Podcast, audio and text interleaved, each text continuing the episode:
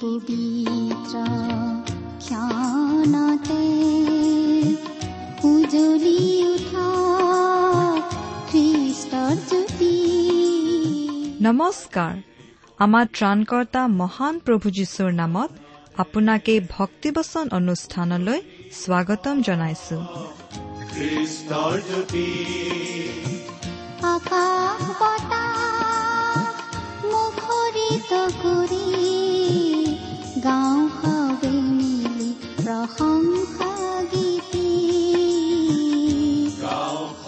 এয়া মুকলি কৰিছো ঈশ্বৰৰ জীৱিত বাক্যৰ ধাৰাবাহিক অনুষ্ঠান ভক্তি বচন। আপোনাৰ জীৱনত যদি শান্তি পাব বিচাৰে তেন্তে এয়া ঈশ্বৰৰ বাক্যৰ সান্তনা বাক্য ভক্তি বচন। গতিকে আহক আজিৰ শিক্ষা শুনো।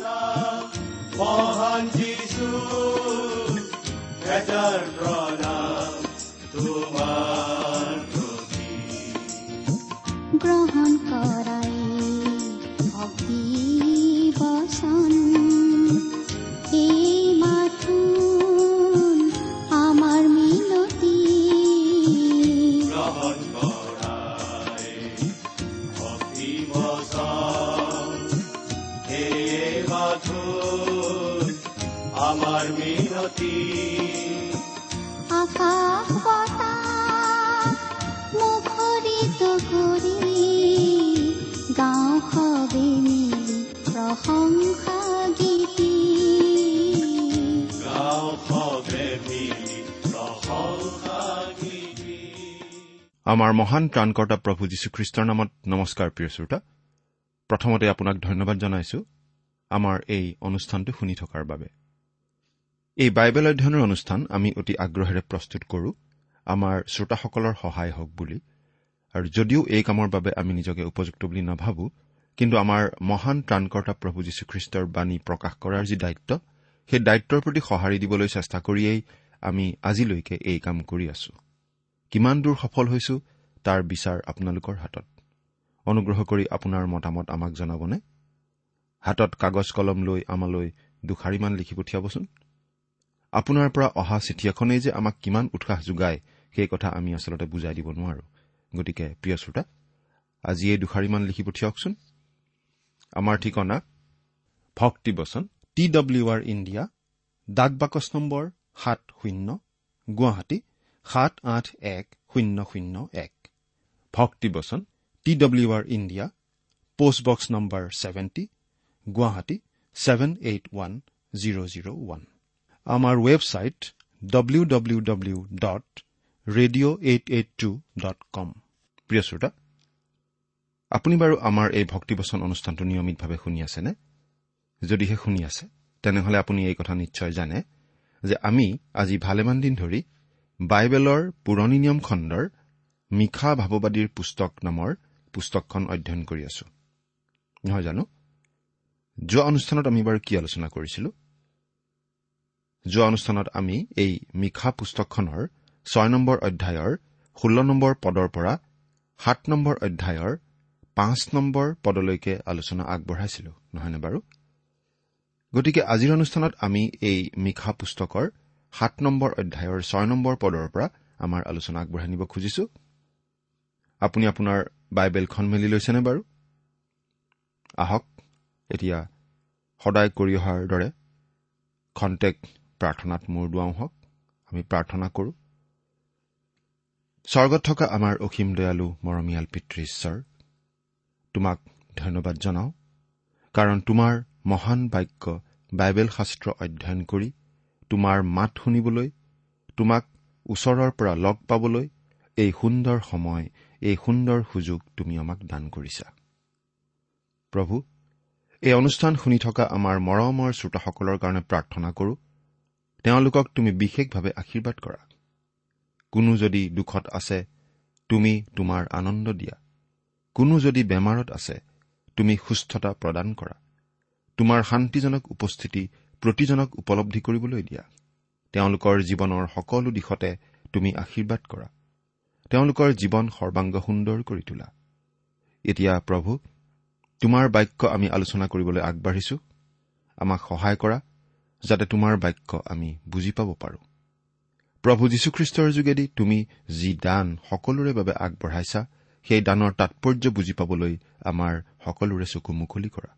কিয়নো এই প্ৰাৰ্থনা ক্ৰুচত আমাৰ হকে প্ৰাণ দি আমাৰ পৰিত্ৰাণৰ পথ প্ৰস্তুত কৰা মৃত্যুঞ্জয় প্ৰভু যীশুখ্ৰীষ্টৰ নামত আগবঢ়ালো। আমেন।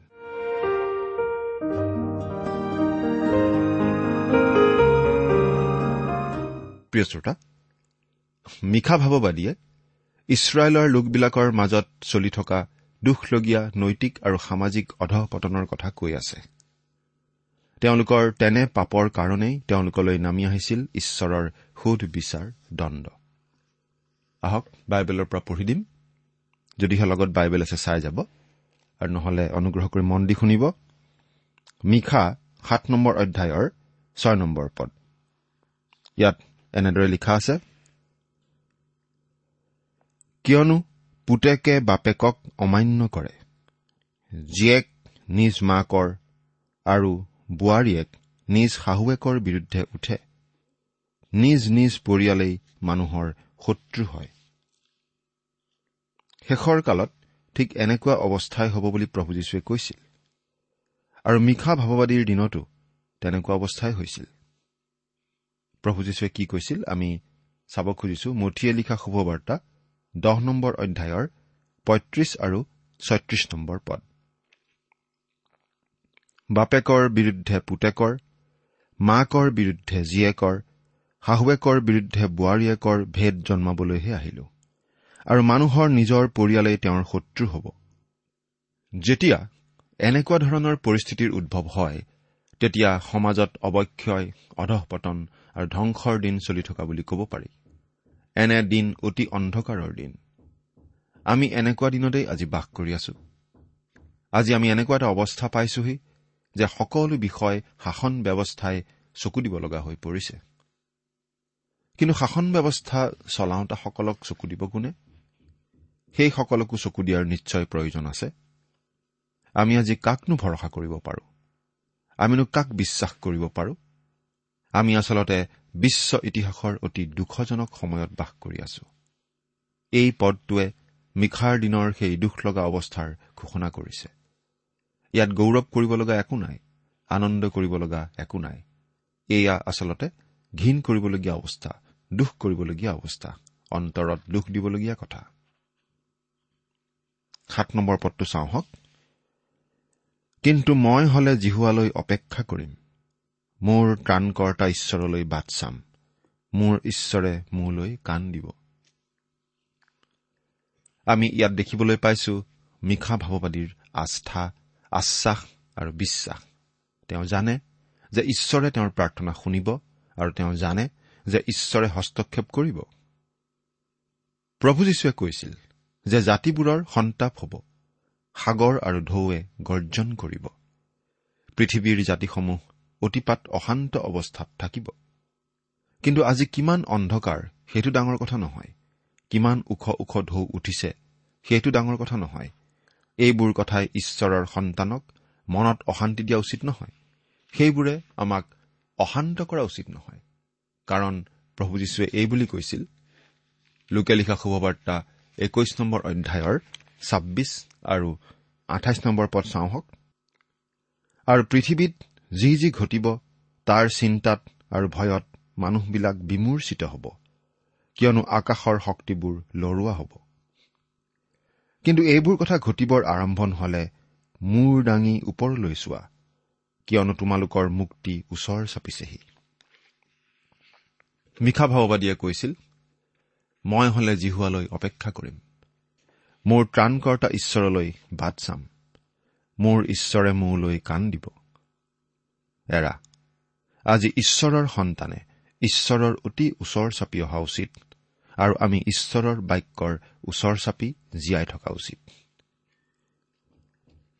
আঠ নম্বৰ পদ হে মোৰ শত্ৰু মোৰ অহিতে আনন্দ নকৰিবা। যদিও মই পৰিলো তথাপি মই আকৌ উঠিম। আৰু যদিও মই আন্ধাৰত বহিছো তথাপি মোৰ পক্ষে জিহুৱা পোহৰ হ'ব। এই মহান নীতিটো আমি শাস্ত্ৰৰ মাজত প্ৰবাহিত হৈ থকা দেখা পাওঁ। ঈশ্বৰৰ মানুহ বিফল হ'ব পাৰে কিন্তু ঈশ্বৰে তেওঁক তুলিব।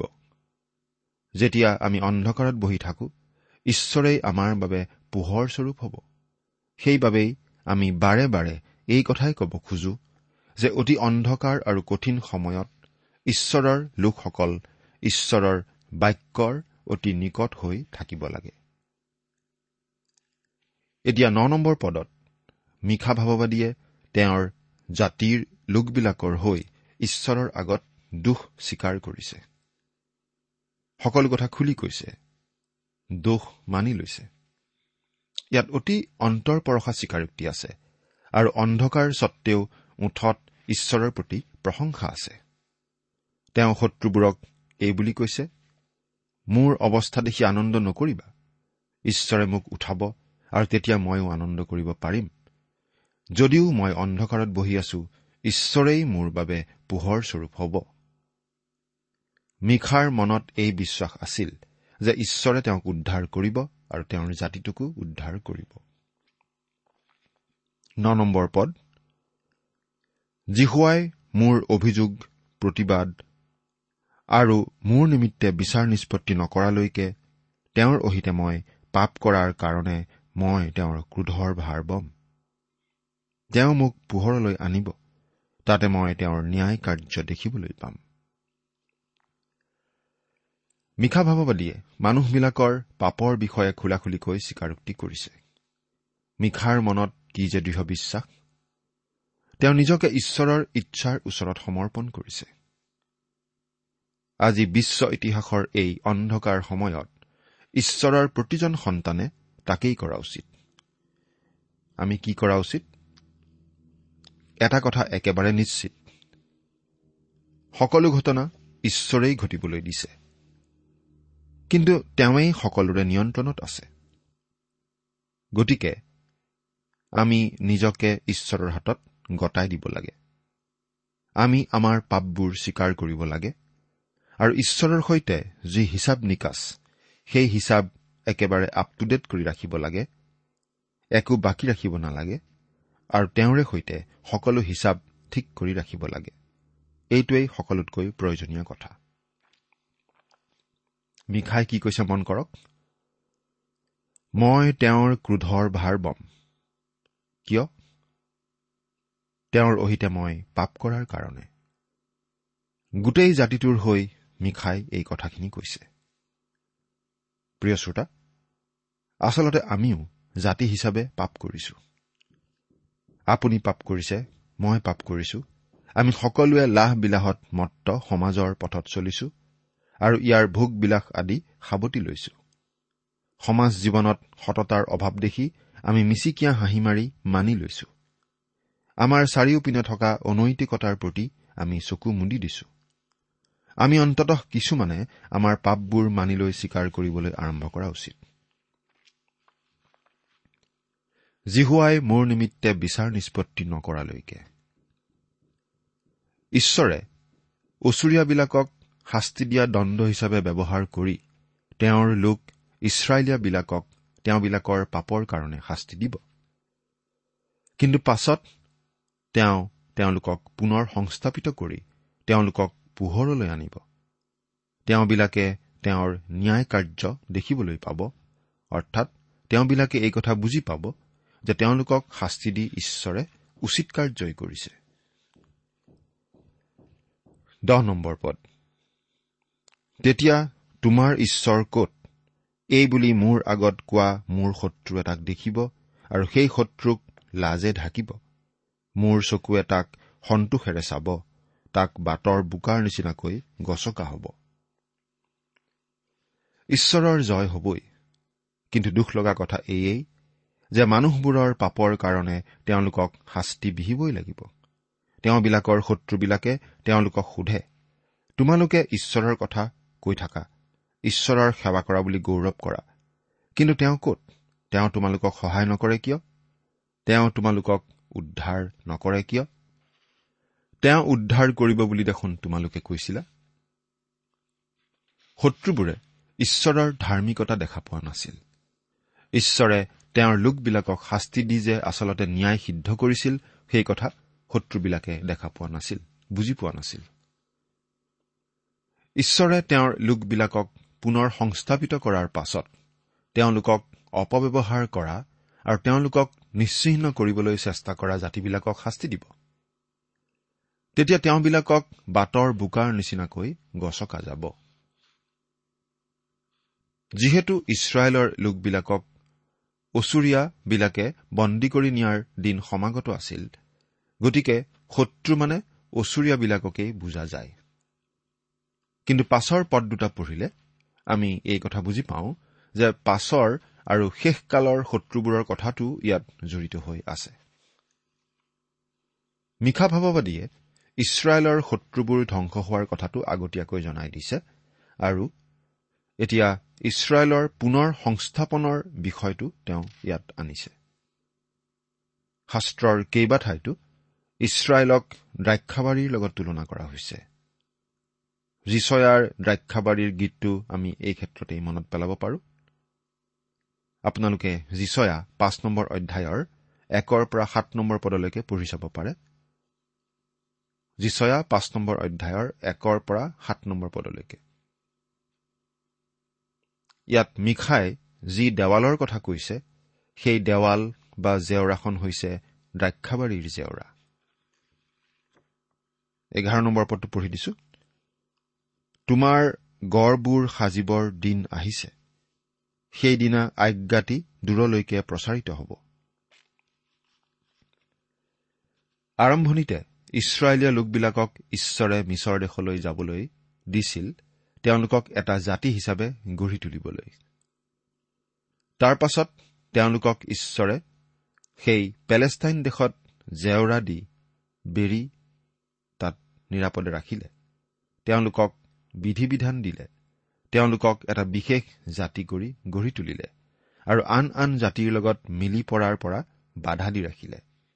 তাৰ পাছত তেওঁলোকৰ পাপৰ কাৰণে তেওঁলোকক অচুৰীয়া আৰু বাবিলনীয়াবিলাকৰ হাতত বন্দী হৈ যাবলৈ এৰি দিলে। গোটেই পৃথিৱীৰ প্ৰতি তেওঁলোকৰ এটা বিশেষ পৰিচৰ্যা আছিল। তেওঁলোক সংৰক্ষিত থকা অৱস্থাটো আৰু গোটেই পৃথিৱীতে সিঁচৰতি হৈ থকা অৱস্থাটো। বাৰ নম্বৰ পদ। সেইদিনা অচুৰৰ পৰা মিছৰৰ নগৰবোৰলৈকে মিছৰৰ পৰা নদীখনলৈকে এক সমুদ্ৰৰ পৰা আন সমুদ্ৰলৈকে আৰু এক পৰ্বতৰ পৰা আন পৰ্বতলৈকে য'ত লোক আছে সেই সকলোৱেই তোমাৰ ওচৰলৈ আহিব। আমি চাৰি নম্বৰ অধ্যায়টো পাই আহিছো যে এই পৃথিৱীত খ্ৰীষ্টৰ হেজাৰ বছৰীয়া শাসন চলাৰ সময়ত পৃথিৱীৰ জাতিবিলাকে চিউনলৈ আহিব। আনকি তেওঁলোকৰ আগৰ শত্ৰুবিলাকো চিউনলৈ আহিব অচুৰীয়াবিলাকো আহিব। মিশা চাৰি নম্বৰ অধ্যায়ৰ দুই নম্বৰ পদত আমি এনেদৰে পাওঁ অনেক জাতিয়ে ওলাই কব বোলা আমি জিহুৱাৰ পৰ্বতখনলৈ জাকুবৰ ঈশ্বৰৰ গৃহটিলৈ উঠি যাওঁ হওক তেওঁ আমাক নিজ পথৰ বিষয়ে শিক্ষা দিব। তাতে আমি তেওঁৰ পথত গমন কৰিম। কিয়নো চিউনৰ পৰা ব্যৱস্থা আৰু জিৰচালেমৰ পৰা জিহুৱাৰ বাক্য ওলাব। কিন্তু মিখাই সোঁৱৰাই দিছে যে এই আশীৰ্বাদৰ সময় অহাৰ আগতে তেওঁলোকৰ বাবে শাস্তি আহিব। তেৰ নম্বৰ পদ। তথাপি দেশ নিবাসীবিলাকৰ কাৰণে তেওঁবিলাকৰ কাৰ্যফলৰ কাৰণেই দেশ উচ্ছন্ন হ'ব। অৰ্থাৎ আমি এই কথাটো আকৌ এবাৰ ভালদৰে দেখা পাইছো যে ইছৰাইল দেশখন আৰু ইছৰাইল জাতিটো একেলগে ভালদৰে সাঙুৰ খাই আছে। সেই দেশখন আজিৰ নিচিনা জৰাজীৰ্ণ এৰাবাৰীৰ নিচিনা আগতে নাছিল। কিন্তু যেতিয়া ইছৰাইলীয়া লোকসকলৰ ওপৰলৈ ঈশ্বৰৰ আশীৰ্বাদ নামি আহিব সেই আশীৰ্বাদ সেই দেশখনলৈও নামি আহিব। সেই আশীৰ্বাদ এতিয়ালৈকে নামি অহা নাই। এতিয়া আমি পাম সামৰণিৰ প্ৰাৰ্থনা।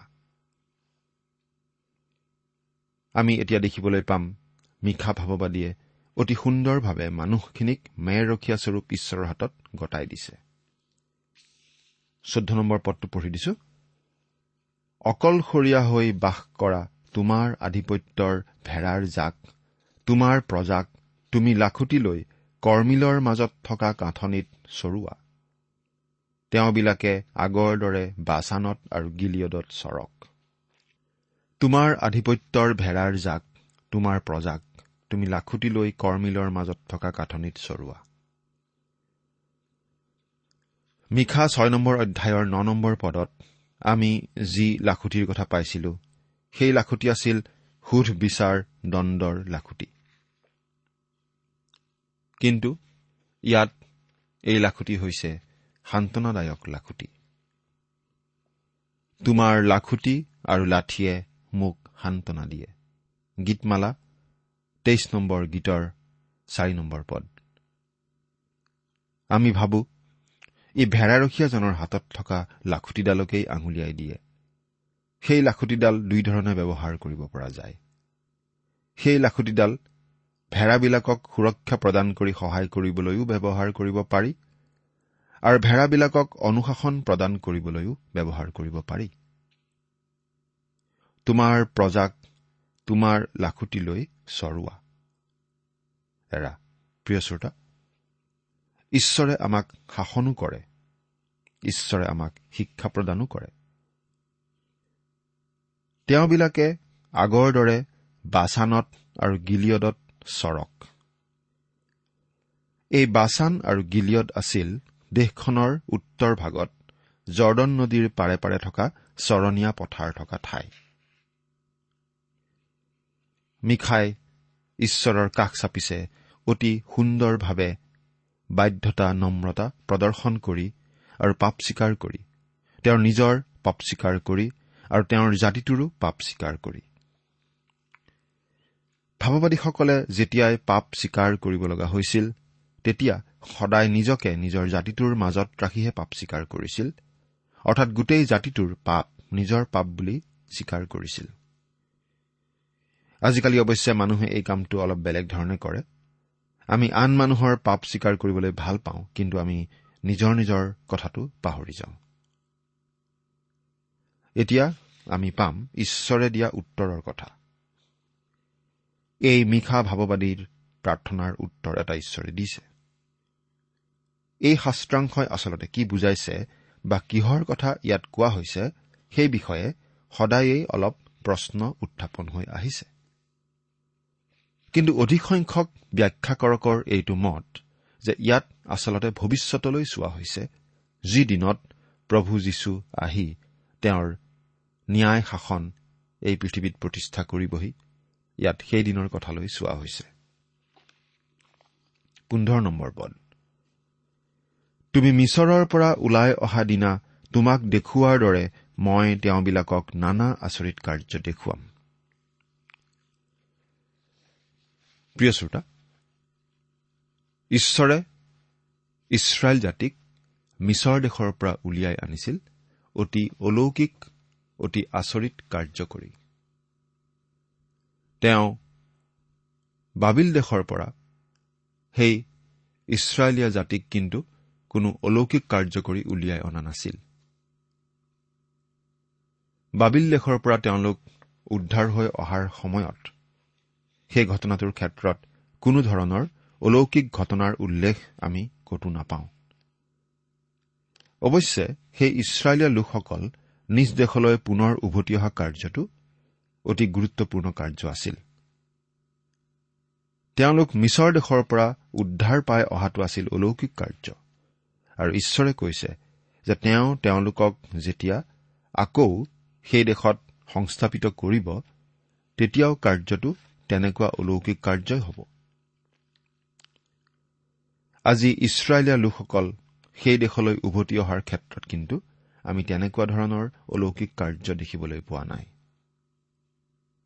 গতিকে আমি এই কথাটো সহজে বুজি পোৱা উচিত যে এই ভাৱবাণীটো ঈশ্বৰে এতিয়াও বাস্তৱত ৰূপায়িত কৰা নাই। সেইটো ভৱিষ্যতে ঘটিবলগীয়া কথা হৈ আছে আৰু সেইটো ভৱিষ্যতে ঘটিব। মুঠতে ঈশ্বৰে তেওঁৰ সকলো আঁচনি ৰূপায়িত কৰিব। তেওঁ কিছুমান আঁচনিৰ কথা আগতেই জনাই দিছে। কিছুমান অৱশ্যে তেওঁ হয়তো আমাক জনাই দিয়া নাই। কিন্তু তেওঁ জনাই দিয়া বা নিদিয়া তেওঁ জনাই থোৱা বা জনাই নোথোৱা সকলোবোৰ ঘটনা ঘটিবই। আমি যিখিনি জানিব লাগে সেইখিনি তেওঁ আমাক জনাই দিছে। প্ৰভু যীশু ভৱিষ্যতে আহিব। পৃথিৱীৰ পৰা সকলো মন্দতা দূৰ কৰিব আৰু তেওঁৰ ন্যায় শাসন প্ৰতিষ্ঠা কৰিব আৰু তেওঁত বিশ্বাস কৰি তেওঁত আশ্ৰয় লোৱা সকলোৱে তেওঁৰ সেই শাসনত তেওঁৰ সেই ৰাজ্যত স্থান পাব। আপুনি বাৰু ক'ত থাকিব? চিন্তা কৰি চাওকচোন। ঈশ্বৰে আপোনাক আশীৰ্বাদ কৰক। আমেন।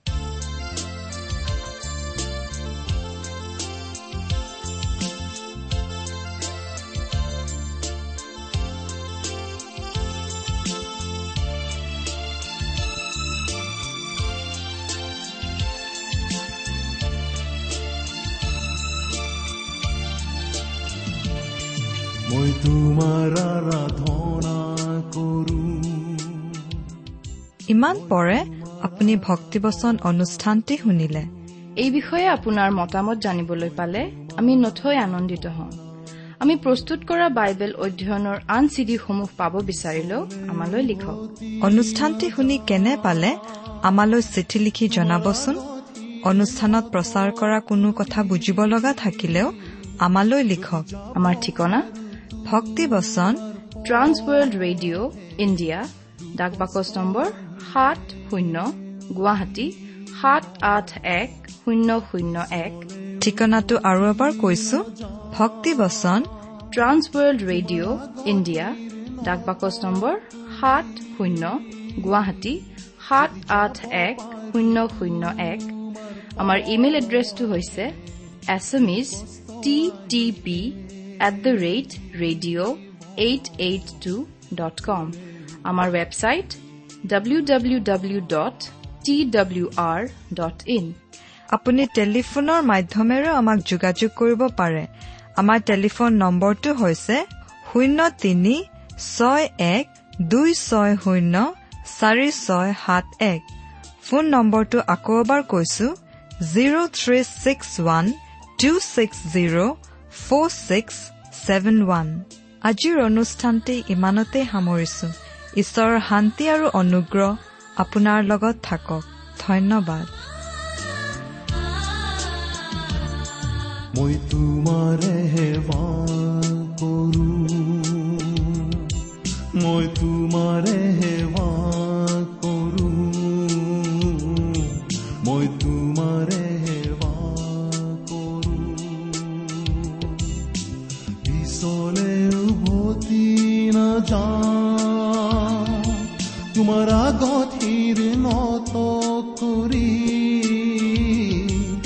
যদি যাব পাৰো তোমাৰ পথে। দুখ কষ্ট আহিলে জীৱন পিছৰে উভতি নাযাওঁ তোমাৰ আগত শিৰ নত কৰি যদি যাব পাৰো তোমাৰ পথে দুখ কষ্ট আহিলে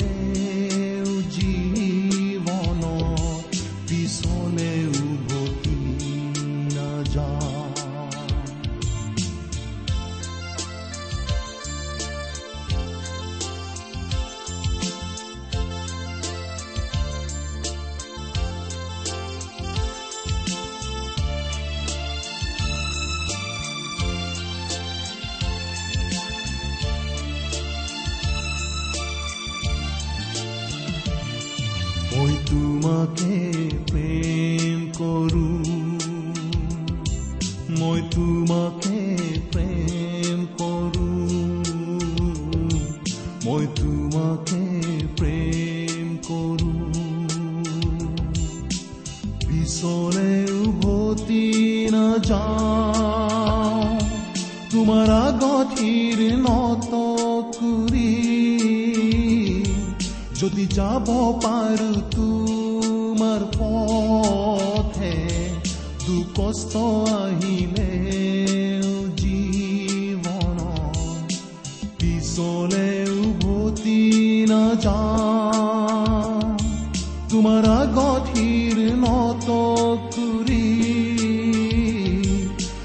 যাব পাৰো তোমাৰ পথে দুখ কষ্ট আহিলে